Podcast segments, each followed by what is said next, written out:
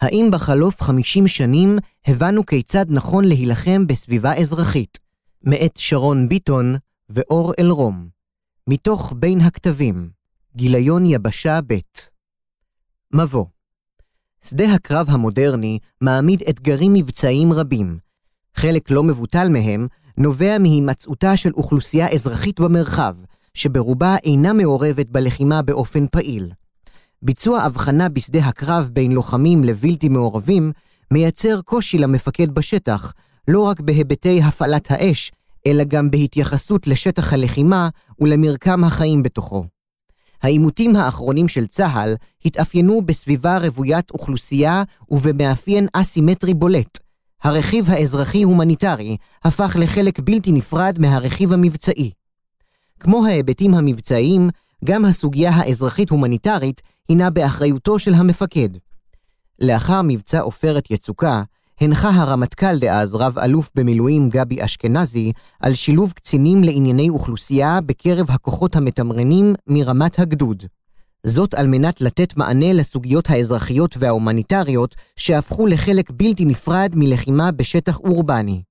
כיום, למעלה מעשור לאחר ההחלטה, טרם גובשה ואושרה תפיסת הפעלה למרכיב האזרחי בלחימה בצה"ל. האתגרים בלחימה בסביבה אזרחית אינם ייחודיים לצה"ל. גם צבאות המערב עוסקים רבות בהתאמת הלחימה לסביבה רוויית אוכלוסייה.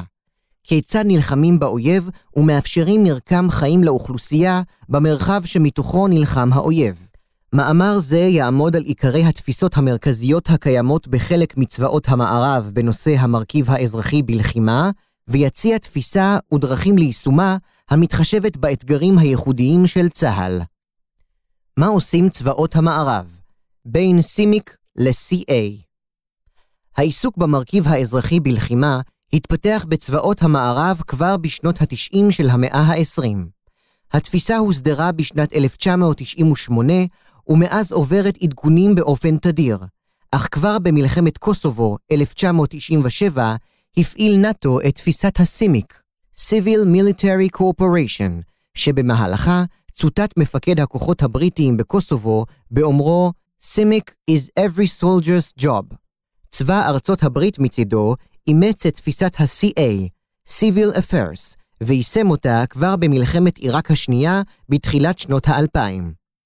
הנחת העבודה המוסכמת הן על הצבאות והן על הארגונים האזרחיים היא שבלחימה בסביבה אזרחית עדיף כי הצבא יעסוק רק בתפקידיו הצבאיים, למעט מקרים יוצאי דופן שבהם נוכח מצב ביטחוני, גורמים אזרחיים אינם מסוגלים לבצע את עבודתם באופן מהיר או מיטבי. המונח סמיק השתרש בין אם באופן רשמי או לאו במרבית צבאות המערב. במקביל, התפתחו פרשנויות שונות למונח. 1. שיתוף פעולה צבאי אזרחי Civil Military Corporation, CIMIC, שיתוף פעולה ותיאום לתמיכה במטרה הצבאית בין המפקד הצבאי של נאט"ו לבין שחקנים אזרחיים, לרבות אוכלוסייה ורשויות מקומיות, כמו גם ארגונים בינלאומיים. 2. תיאום צבאי אזרחי Civil Military Coordination, CMC-OORD, מונח של האו"ם להגדרת מערכת הממשקים הכוללת חילופי מידע, ניהול משא ומתן, מניעת התנגשות, תמיכה הדדית ותכנון ברמות השונות בין גורמים צבאיים לבין גורמים אזרחיים, דוגמת ארגונים הומניטריים, סוכנויות פיתוח ואוכלוסייה מקומית. 3. מבצע צבאי אזרחי Civil Military Operation, CMO, מונח המתאר את הפעילות הכללית שמבצע הצבא בהחלטת המפקד על מנת להקים, לשמר, להשפיע ולנצל את הקשרים בין כוחות הצבא, הממשל, ארגונים אזרחיים, רשויות והאוכלוסייה האזרחית. 4. עניינים אזרחיים Civil Affairs, CA, מונח המשמש בעיקר את צבא ארצות הברית על מנת לתאר את הקשר עם האחר בתחום האזרחי. פעילות המבוצעת על ידי כוח אדם צבאי ייעודי במטרה לקדם את היחסים בין הכוח הצבאי לרשויות אזרחיות באזורים שבהם מתקיימת פעילות צבאית. 5. פעילות צבאית אזרחית Military Civic Action, MCA, פעילות נדרשת על מנת לזכות בתמיכה של האוכלוסייה המקומית. פעילות זו יכולה לכלול העסקת כוח עבודה מקומי או עבודה עם גורמי כוח מרכזיים באמצעות פרויקטים קצרי טווח, כמו גם מטרות ארוכות טווח לשיקום ולפיתוח האזור. חמש הפרשנויות מתייחסות אומנם לאותו תחום, אך ישנם הבדלים מהותיים באופן שבו תופס כל צבא את הדרך הנכונה להתנהל בסביבה אזרחית. בחלק זה נעמוד על עיקרי תפיסות המרכיב האזרחי הקיימות בארבעה צבאות נאט"ו, ארצות הברית, בריטניה וקנדה. בבסיס התפיסות ניצבת תפיסת נאט"ו, אשר מהווה מסמך מדיניות מחייב לשאר החברות בברית. במקביל לנאט"ו, התאימו המדינות שתסקרנה את דוקטרינת הסימיק שלהן למתארי פעילותן ולאתגריהן הייחודיים באופן שמתכתב עם התפיסה של נאט"ו. ההצגה תכלול התייחסות לארבעה מרכיבים ייעוד מרכזי, מתאר הפעלה, קווים מנחים לפעולה ופריסה. תפיסת נאט"ו 1. ייעוד תמיכה בסביבה האזרחית לצד תמיכה בכוחות הצבאיים באמצעות תיאום צבאי אזרחי. רתימת האוכלוסייה המקומית תופסת תפקיד מרכזי בתפיסת הסימיק. 2. מתאר הפעלה סיוע צבאי במצבי חירום הומניטריים, תכנון אזרחי לחירום, תמיכה במדינה המארחת. 3. קווים מנחים לפעולה א', ניהול הכוונת הצבא לסימיק באמצעות תכנון משימה, הכוונה פיקודית, כלכלה, תעדוף, מחויבות משפטית ושיקולים הומניטריים. ב. ניהול יחסי צבא אזרחים, מודעות תרבותית, מטרות משותפות, אחריות משותפת, הסכמת אוכלוסייה, שקיפות בכל היבטי הסימיק ותקשורת. 4. פריסה א. קציני סימיק שהוכשרו ואומנו יוצבו בכל המפקדות מרמת הגדוד ועד המפקדה הראשית. ב. גודל ומבנה האיוש משתנה בין המפקדות השונות בהתאם למשימה, ועשוי לכלול קבוצת סימיק, קבוצת אנשים שעברו הכשרה בתחום והוצבו במפקדה, מומחי תוכן, דוגמת ממשל, תשתיות, סיוע הומניטרי, מסחר וכלכלה, ענייני תרבות, קצינים כלליים, סוג של נע"ת. ג. לרוב יוצבו קציני הסימיק תחת האג"ם במפקדות, מתוך הבנת חשיבות הקרבה למפקד בעת קבלת ההחלטות המבצעיות. ד. J9 הסימיק מוגדר כאגף במפקדה הראשית, בדומה לאג"ת ואמ"ץ, והוא מסומן כ-J9. תפקידו לייצר קשרים עם גורמים צבאיים ואזרחיים על מנת להשפיע על מבצעים. תפיסת צבא ארצות הברית 1. ייעוד תמיכה בכוחות הצבאיים ותמיכה במבצעים אזרחיים, CMO. בתפיסה מודגש כי אלו הם שני מרכיבים שלעיתים מתחברים לאחד, תלוי באופי הפעילות ובפוטנציאל שלה להתפתח ממשימה אזרחית למשימה צבאית. 2. מתאר הפעלה הפעילות המרכזית תכלול סיוע הומניטרי זר, סיוע אזרחי מקומי, פעילות צבאית אזרחית, MCA, ניהול האוכלוסייה ומשאביה, מוכנות אזרחית, מנהל אזרחי, תמיכה מקומית בפעילות ותמיכה צבאית ברשויות האזרחיות. 3. קווים מנחים לפעולה שישה קווים למבצעים אזרחיים. המשימה, אחריות פיקודית, המשכיות ועקביות במדיניות, אחריות הדדית, כלכלת אנשים ומשאבים והתחשבות הומניטרית. ההפעלה נעשית בנפרד מהמשימה הצבאית, והיא לא בהכרח חלק מהאסטרטגיה הצבאית, אלא חלק מהאסטרטגיה הלאומית, ולכן היא על התפר שבין צבאי למדיני. 4. פריסה חטיבת CA אשר נועדה לשלוח צוותי משימה ייעודיים היכולים לפעול בשיתוף עם סוכנות הפיתוח הממשלתית, ותפקידם להוציא לפועל מבצע צבאי אזרחי לקידום המשימה הצבאית. החטיבה כפופה למפקדת הכוחות המיוחדים, והיא יכולה לבצע מבצעים חשאיים וגלויים. תפיסת צבא בריטניה 1. ייעוד תמיכה בכוחות הצבאיים ותמיכה בסביבה האזרחית כמרכיב מרכזי שאליו נדרשים גורמי הסימיק. 2. מתאר הפעלה התפיסה גורסת כי התיאום עם ארגונים בינלאומיים וארגונים לא ממשלתיים תהיה התובענית והאפקטיבית ביותר, ולכן הם מחשיבים את העיסוק בסוגיות הומניטריות כעיסוק המרכזי ואף הבלעדי. משכך, הם אינם עוסקים בפעילויות אחרות. 3. קווים מנחים לפעולה מחויבות משפטית, מודעות תרבותית, שיתוף פעולה, הבנה, כבוד ואמון, אחריות משותפת, שקיפות, תקשורת, השפעה, הבנת תמונת המצב, מידת השפעה והעברת ניהול. 4. פריסה א. ישנם חמישה סוגי בעלי תפקידים בהקשר זה. יועצי סימיק, קצינים מקצועיים המשולבים בכל תהליכי התכנון ברמות השונות. צוות סימיק, ארבעה מומחים, ייתכן שילוב של קצינים ואזרחים, המבצעים הערכת מצב בשטח. מומחים ייעודיים, מומחים שאינם אנשי צבא המספקים ייעוץ על פי צורך. קציני קישור, אמונים על הקישור לארגונים אזרחיים. יועצים הומניטריים, מקורם בסוכנות הסיוע הממשלתית, ותפקידם לייעץ לצבא בנוגע להשלכות הפעולה הצבאית על המצב ההומניטרי וכיצד לצמצם השלכות אלו. ב.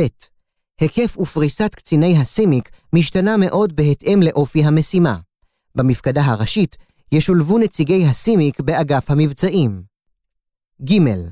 הקצינים המשולבים בקרב הכוחות הלוחמים אינם חייבים להיות מומחי תוכן, אך עליהם להיות אורגניים ולהתאמן יחד עם הכוחות. תפיסת צבא קנדה 1. ייעוד שיתוף פעולה בפעילות צבאית אזרחית ותמיכה בממשל האזרחי. 2. מתאר הפעלה התפיסה מתייחסת לשלוש סביבות פעילות אזור ידידותי, אזור עוין ושטח קנדה. התפיסה מפרטת מנעד רחב של פעילויות, דוגמת מידע צבאי אזרחי, רתימת המדינה המארחת, ניהול משאבים ואוכלוסייה, תמיכה ברשויות האזרחיות, בדגש על סיוע הומניטרי ועל הגנה אזרחית, וסיוע אזרחי. 2. קווים מנחים לפעולה, המשכיות ועקביות במדיניות, מגוון אמצעים, אחריות פיקודית, אמון, שיתוף פעולה, ללא משוא פנים, ראיית הנולד, אחריות משותפת ותמיכה, מאמץ כלכלי, התחשבות הומניטרית והגנת הכוח. 3. פריסה קציני הסימיק משולבים באגף התכנון על מנת לוודא כי התובנות האזרחיות מוטמעות בתכנון המבצעי. ניתן לראות כי צבאות המערב תופסים בצורה קצת שונה את המרכיב האזרחי בלחימה. בשורות התחתונות אנו למדים כי להבדיל מנאט"ו, שתפיסתו שמה דגש על host nation, שאר הצבאות עוסקים רבות באופן ההתנהלות בסביבה עוינת, ולכן ניתן דגש על ההפרדה בין האוכלוסייה לגורמים העוינים. כלל הצבאות מקפידים על הפרדה בין מודיעין קלאסי לבין העולם האזרחי. הם נדרשים אמנם לשיתוף פעולה הדוק, אך ישנה תפיסה לפיה איש סימיק יפגע באפקטיביות שלו אם יהפוך לאיש איסוף מודיעין. ההבדל המהותי ביותר מצוי במיקום ובאופן פריסת המרכיב האזרחי בקרב הכוחות. על פי התפיסה בנאט"ו, יש לשלב קציני סימיק מרמת הגדוד. לעומת זאת, בצבא האמריקאי בחרו להקים חטיבה ייעודית שיכולה לפעול בשילוב, אך גם בנפרד מהכוחות הצבאיים. הבריטים ראו חשיבות באורגניות הכוח גם על חשבון הצבת כוח אדם ייעודי. גם הבחירה למקם את סימיק במפקדה הראשית היא שונה ומעניינת. בעוד שבנאט"ו הקימו אגף ייעודי, J9, הקנדים שילבו את הקצינים כחלק מאגף התכנון, J5, על מנת שישפיעו על תהליך התכנון, ואילו הצבא הבריטי שילב אותם באגף המבצעים, J3, על מנת שיהיו חלק מהפעלת הכוח ומהפעילות המבצעית. האתגרים הייחודיים לצה"ל בעוד שבצבאות שבהם מוטמעת תפיסת הסימיק בצורותיה השונות, לרוב ישנה מטרה מדינית ברורה שכוללת בין היתר שינוי שלטוני או מעין שינוי במציאות הפוליטית. צה"ל נלחם בסביבה שונה, שבה לרוב אין מטרה צבאית המכוונת לשינוי שלטוני או מדיני. השוני המהותי נובע בעיקר מסביבת הלחימה ומהגורמים שהובילו אליה. למעשה, מאז שנת 2000, כל המבצעים הצבאיים בזירה הפלסטינית, וכך גם מלחמת לבנון השנייה, לא נועדו למוטט או לשנות את המצב הפוליטי או השלטוני. הללו אופיינו בעיקר במטרות צבאיות בלבד, הסרת איומים, רקטות, מנהרות, טרור וכו', והשגת הרתעה צבאית. ניתן אפוא לעמוד על שלושה הבדלים מהותיים בין צה"ל לבין צבאות המערב בהקשר המרכיב האזרחי בלחימה. אחת, לחימה בסביבה מוכרת ועוינת. בניגוד לצבאות המערב, צה"ל חי את מרחב הלחימה שלו, בעיקר בזירה הפלסטינית. באיו"ש הוא נמצא הלכה למעשה, ורצועת עזה, לבנון וסוריה נמצאות במרחק נגיעה. ההיכרות עם סביבת הלחימה מהווה יתרון משמעותי במובנים רבים, אך היא גם מקשה על רתימת אוכלוסייה ועל בידולה. 2. No Host Nation להבדיל מצבאות המערב, שיכולים להבדיל בין האוכלוסייה לגורמים עוינים, צה"ל אינו רצוי לא על ידי ההנהגה הרשמית או החלופית, ולא על ידי האוכלוסייה בסביבת הלחימה שלו. צה"ל אינו מקיים מהלכים צבאיים בתיאום או על מנת לתמוך או לקדם שלטון מסוים, ולכן הפעילות הצבאית תיעשה בהכרח ללא הזמנת או תמיכת ה-host nation. 3. מעבר משגרה לחירום. לצה"ל יש יחידות סדירות המקיימות מנגנוני תיאום וקישור אזרחיים בשגרה, אשר מהווים, בין היתר, את הבסיס ללחימה. המעבר מתיאום אזרחי למרכיב אזרחי הוא מאתגר הן בעבור הכוחות הלוחמים, בעבורם המרכיב הופך להיות חלק בלתי נפרד מהכוח, ולא גורם חביר בדומה לשגרה, והן בעבור קציני המתפ"ש, מתאם פעולות הממשלה בשטחים, אשר נדרשים לשנות דפוס חשיבה ודרכי פעולה. המרכיב האזרחי חייב להיות גורם משפיע גם בנוהל הקרב וגם בניהול הקרב. צבאות המערב רואים את המרכיב האזרחי כחלק מהכוח הצבאי שאמור להוות את החוליה המקשרת ליום שאחרי, היום שבו תועבר האחריות לשחקנים אזרחיים, בין אם מקומיים, בינלאומיים, מטעם המדינה הנלחמת, או שילוב של כמה שחקנים. בניגוד לצבאות שנזכרו, לצה"ל אין רגל אזרחית מסיימת. צה"ל אינו משלב את תכנון היום שאחרי האזרחי בתוכניות הצבאיות, כך שלמעשה, המרכיב האזרחי בקרב הכוחות הוא לכאן ועכשיו, ולא למה שיקרה בתום הלחימה. סוגיית השיקום האזרחי ביום שאחרי איננה חלק ממכלול השיקולים בתכנון הצבאי הצה"לי, או לכל הפחות איננה מרכיב מרכזי בעל משקל במכלול השיקולים. התפתחות תפיסת המרכיב האזרחי בלחימה בצה"ל המרכיב האזרחי בלחימה מהווה חלק בלתי נפרד מהתנהלות צה"ל בסביבה מאוכלסת. יחד עם זאת, תפיסה זו מעולם לא עוגנה בתורה כתובה המיושמת הלכה למעשה. מאז מלחמת ששת הימים נלחם צה"ל בסביבה אזרחית. כבר אז נדרשנו להבחין במובנים מסוימים בין אוכלוסייה בלתי מעורבת לבין גורמים עוינים. אך העיסוק בסוגיה התחדד ביתר שאת במהלך מבצע חומת מגן, שבו נלחם צה"ל במרכזי הערים הפלסטיניות ונדרש לתת מענה לאירועים ולצרכים הומניטריים מיידיים של האוכלוסייה. המענה האזרחי התבסס על המינהל האזרחי ועל יחידת הממשל של פקמ"ז, אך זאת הייתה ברובה תגובתית למציאות שנוצרה בשטח. במלחמת לבנון השנייה, 2006, עיקר העיסוק באוכלוסייה נסוב סביב הנעת האוכלוסייה ממרחב הלחימה לצפון לבנון. תוך כדי הלחימה, נדרש צה"ל לתת מענה לאוכלוסייה אשר נשארה במרחב הלחימה ולא התפנתה, וזאת באמצעות תיאום תנועות אזרחים ושיירות סיוע של האו"ם ושל הצלב האדום. מבצע עופרת יצוקה, 2009, מהווה את נקודת ההתחלה למה שעתיד להיקרא המרכיב האזרחי בלחימה. תוך כדי הלחימה שולבו קציני מתפ"ש בנקודות מפתח על מנת לתאם את הפעילות ההומניטרית ובוצעו תאומי תנועות הומניטריות, בדגש על פינויים רפואיים ועל תיקוני תשתיות חיוניות. כמו כן, הוקם חדר תיאום משותף עם נציגי הארגונים הבינלאומיים על מנת לתאם ולייעל את פעילותם בשטח. בתום המבצע, התברר כי נוכחות הקצינים היהודיים סייעה רבות למפקדים בשטח וצמצמה את הפגיעה בבלתי מעורבים. המסקנה הייתה כי נדרש לשלב קצינים יהודיים כבר מרמת הגדוד. ואכן ביוני 2009 הנחה הרמטכ"ל דאז, רב-אלוף במילואים גבי אשכנזי, על שילוב קצינים לענייני אוכלוסייה בקרב הכוחות המתמרנים מרמת הגדוד.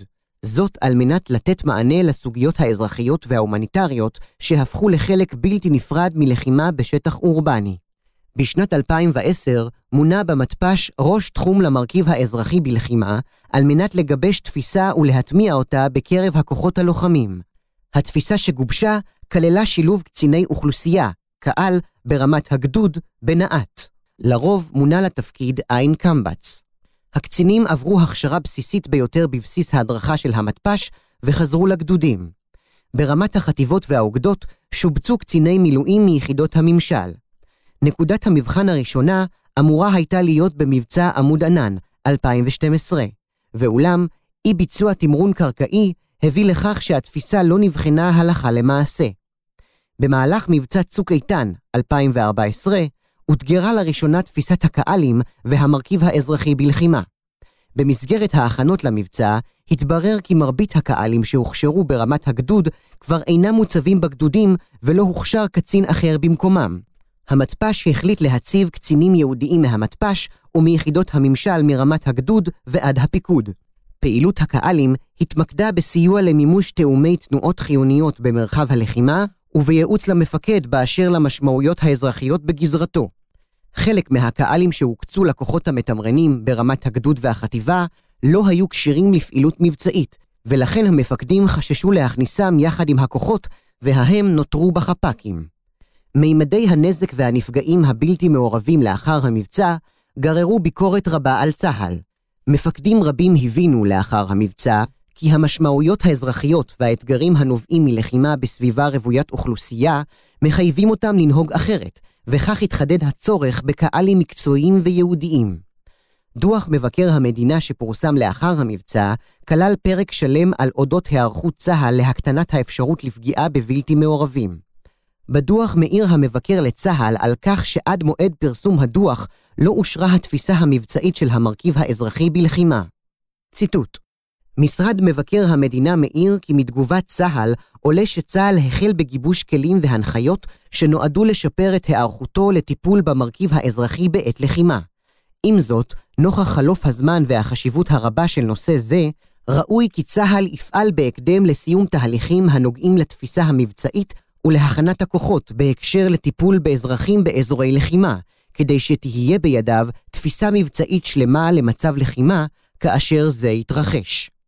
לאישור תפיסה ישנן השלכות רבות גם על הקצאת משאבים, על הטמעה בקרב הכוחות ועל איוש בעלי תפקידים, שכן היא מהווה הלכה למעשה את אבן הראשה למוכנות המבצעית בתחום. ברצף האירועים שנזכרו, יש לציין מקרה יוצא דופן, מנהלת שכנות טובה. במשימה זו ישנו למעשה יישום, גם אם לא במתכוון, של תפיסת הסימיק בדומה לנהוג בצבאות המערב. תיאום צבאי מול גורמים אזרחיים לא רשמיים בסביבה עוינת להעברת סיוע אזרחי הומניטרי כאמצעי לבידול בין האוכלוסייה לגורמים עוינים בשטח עוין. הפעילות לא התקיימה במסגרת לחימה של צה"ל במרחב, ויש בה בכדי לייצר השפעה ורתימה של האוכלוסייה, ולא כחלק מפעילות מבצעית צבאית קלאסית. מנהלת שכנות טובה מהווה דוגמה לשימוש מושכל במרכיב אזרחי על מנת לקדם מטרות צבאיות. It is the time to take it to the next level.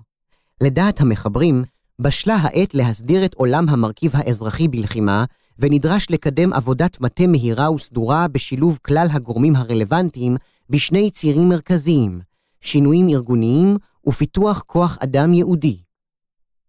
שינויים ארגוניים כיום ישנן שלוש יחידות ממשל, אחת בכל פקמ"ר. נוסף אליהן קיימות שתי מפקדות סדירות, באיו"ש פועל המינהל האזרחי עם שמונה מת"קים גזרתיים, ומול רצועת עזה פועלת מנהלת התיאום והקישור. מבנה יחידות הממשל מותאם להטלת ממשל צבאי בתא שטח מוגדר.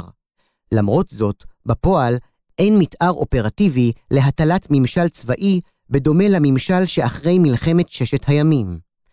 על מנת להתאים את המענה האזרחי לשדה הקרב המודרני, נדרש לסכם את תפיסת ההפעלה של יחידות הממשל או המרכיב האזרחי בחירום. המחברים מציעים כי תפיסת המרכיב האזרחי בצה"ל תישען על שלוש רגליים מרכזיות, בדומה לתפיסת נאט"ו, תמיכה בכוחות הלוחמים, במקביל לתמיכה בסביבה האזרחית. נוסף על כך, נוכח ייחודיות המציאות, לרבות איו"ש, נדרשת יכולת למתן מענה גם לרכיבי ממשל, ועל כן מוצע המודל הבא. 1. מענה לכוחות המתמרנים.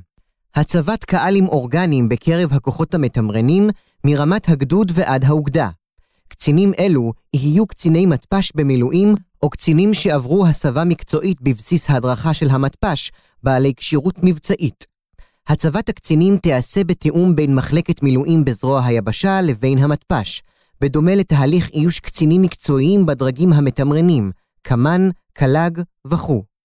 הקהלים יערכו למתארים האופרטיביים שאליהם מחויבת יחידתם. 2. מענה לסביבה האזרחית. הקמת נפות אזרחיות, בדומה למת"קים הגזרתיים באיו"ש, אשר תהיינה בעלות מומחיות מקצועית גיאוגרפית. נפות אלה תגבשנה את תמונת המצב ההומניטרית וכן את הובלת השיח עם הגורמים האזרחיים, מקומיים ובינלאומיים במרחב הנפה. הנפות האזרחיות תהווינה את הבסיס המקצועי שאליו יחברו הקהלים בנוהל הקרב ובניהול הקרב. בעוד שהאוגדה היא דינמית ועשויה לקבל שינוי משימה, ועימה גם הקהל, הנפה היא טריטוריאלית ואינה משנה את מיקומה. הנפות תהיינה חלק מהיחידה הפיקודית, אשר שמה ישונה מיחידת ממשל ליחידת התיאום והקישור. 3. מענה לממשל צבאי או לרכיבי ממשל. תחת ההנחה כי נדרש לשמר יכולת מקצועית בסיסית להטלת ממשל צבאי או רכיבי ממשל, ברור כי לא נדרש לשמר שלוש יחידות בעלות יכולות אלו. לכן, מומלץ להקים יחידת ממשל מטכ"לית אשר תהיה כפופה למתפ"ש ותוכל בהינתן פקודה לקבל אחריות בהתאם לצורך. יחידת הממשל המטכ"לית, בדומה ליחצה של פיקוד העורף, תהווה מעין יחידת בוטיק בעלת יכולות וכשירויות ייחודיות, אשר תוכל לתת מענה בכל זירת המלחמה. בהינתן הצורך בהטלת רכיבי ממשל, תשולב היחידה ביחידות הפיקודיות בשילוב הנפות האזרחיות. כמו כן, תהווה היחידה בסיס מקצועי ייעודי במפקדת המתפ"ש לניתוח תמונת המצב ההומניטרית, וכן תסייע בגיבוש תוכניות מענה אזרחיות הומניטריות. אם לא תידרש למלא אף אחת מהמשימות הללו, תוכל לשמש עתודה מטכ"לית לכל תרחיש. בניין כוח אדם ניתן לשער כי מרבית המפקדים כיום מבינים את חשיבות המרכיב האזרחי וכן את ההשלכות הנגזרות מעולם זה בהיבט הערכי, המשפטי והן לגיטימציה בינלאומית. על מנת שהפעלת הכוח תיעשה באופן מיטבי, יש לוודא כי תהליכי בניין הכוח מוסדרים ומותאמים. 1. תורת לחימה ההצעה לתפיסה המוצגת במאמר זה הינה ראשונית, ומחייבת כתיבה שלמה של תורה ושל הוראות מבצעיות ומקצועיות המפרטות את האופן שבו מממש כל אחד מהצירים המקצועיים את אחריותו, וכן מקיים קשרי גומלין עם הצירים האחרים והמכלולים האחרים ביחידות השונות. את התורה יכתוב ויאשר המתפ"ש, והוא אשר יהיה אמון על עדכונה במידת הצורך. 2. תכנון וארגון השלב הבא מחייב התאמת המבנה והתקינה של יחידות הממשל הפיקודיות באופן שייתן מענה לתפיסה שהוצעה. להערכת המחברים, צמצום יכולות הממשל ביחידות הפיקודיות וריכוזן ביחידה אחת מטכ"לית יוביל לצמצום היקף הסד"כ הנדרש ביחידות, בוודאי נוכח שילוב היחידות הסדירות, המינהל האזרחי באיו"ש, מת"ק עזה, בתפיסה. כל יחידה פיקודית תיבנה באופן התואם את מאפייני הגזרה, בדגש על מספר הנפות הנדרשות בשטח הגיאוגרפי. 3. אמל"ח אמנם המרכיב האזרחי אינו דורש אמצעי לחימה במובן המסורתי של המונח, אך הוא מחייב אמצעים מקצועיים ייעודיים. בהקשר זה, ניתן להביא כדוגמה את מערכת עץ התמר, אשר פותחה במתפ"ש ומאפשרת ניהול כלל המידע האזרחי על בסיס שכבות GIS. 2. כוח אדם הבנת העולם האזרחי וחשיבה אזרחית הם מקצוע, כמוהו גם התיאום ותחום הקישור, ולכן נדרש איוש של אנשים יהודיים שהוכשרו לכך. המחשבה כי קהל יכול להיות קצין אשר עבר הכשרה בת חמישה ימים איננה מתאימה למורכבות הסוגיה האזרחית. יחד עם זאת, יש לזכור כי תפקידים שונים מחייבים כשירויות שונות, ולכן עם גיבוש התפיסה והארגון של המרכיב האזרחי, ישנה חשיבות להגדרת הכשירויות הנדרשות מכל בעל תפקיד. לדוגמה, קהל גדודי חייב להיות בעל כשירות מבצעית, נוסף על היותו קצין תיאום וקישור. 3. הכשרות ואימונים הכשרות ואימונים לכוח האדם היהודי יבוצעו על ידי בסיס ההדרכה של המתפ"ש. בה בעת, הכשרת ואימון כוח אדם יהודי איננה מספיקה. יש לוודא כי המרכיב האזרחי מוטמע גם בקרב אימוני הכוחות המתמרנים, ולצורך כך יהיה צורך בהקמת מדור ייעודי אשר יעסוק בעולמות אלו. לא נכון להמשיך ולהתבסס על זמינות כוח אדם סדיר במתפ"ש, שישתלב באימוני הכוחות רק לפי רמת המודעות והמחשבה המקדימה של מפקד היחידה. שילוב הדילמות והמורכבות של לחימה במרחבי אוכלוסייה מחייב כוח אדם ייעודי אשר יחיה את גרף האימונים של היחידות המתמרנות, ויטמיע עולם זה לתוך עולם האימונים משלב התכנון ועד התחקור. לבסוף, צה"ל נדרש לגבש תפיסה חדשה.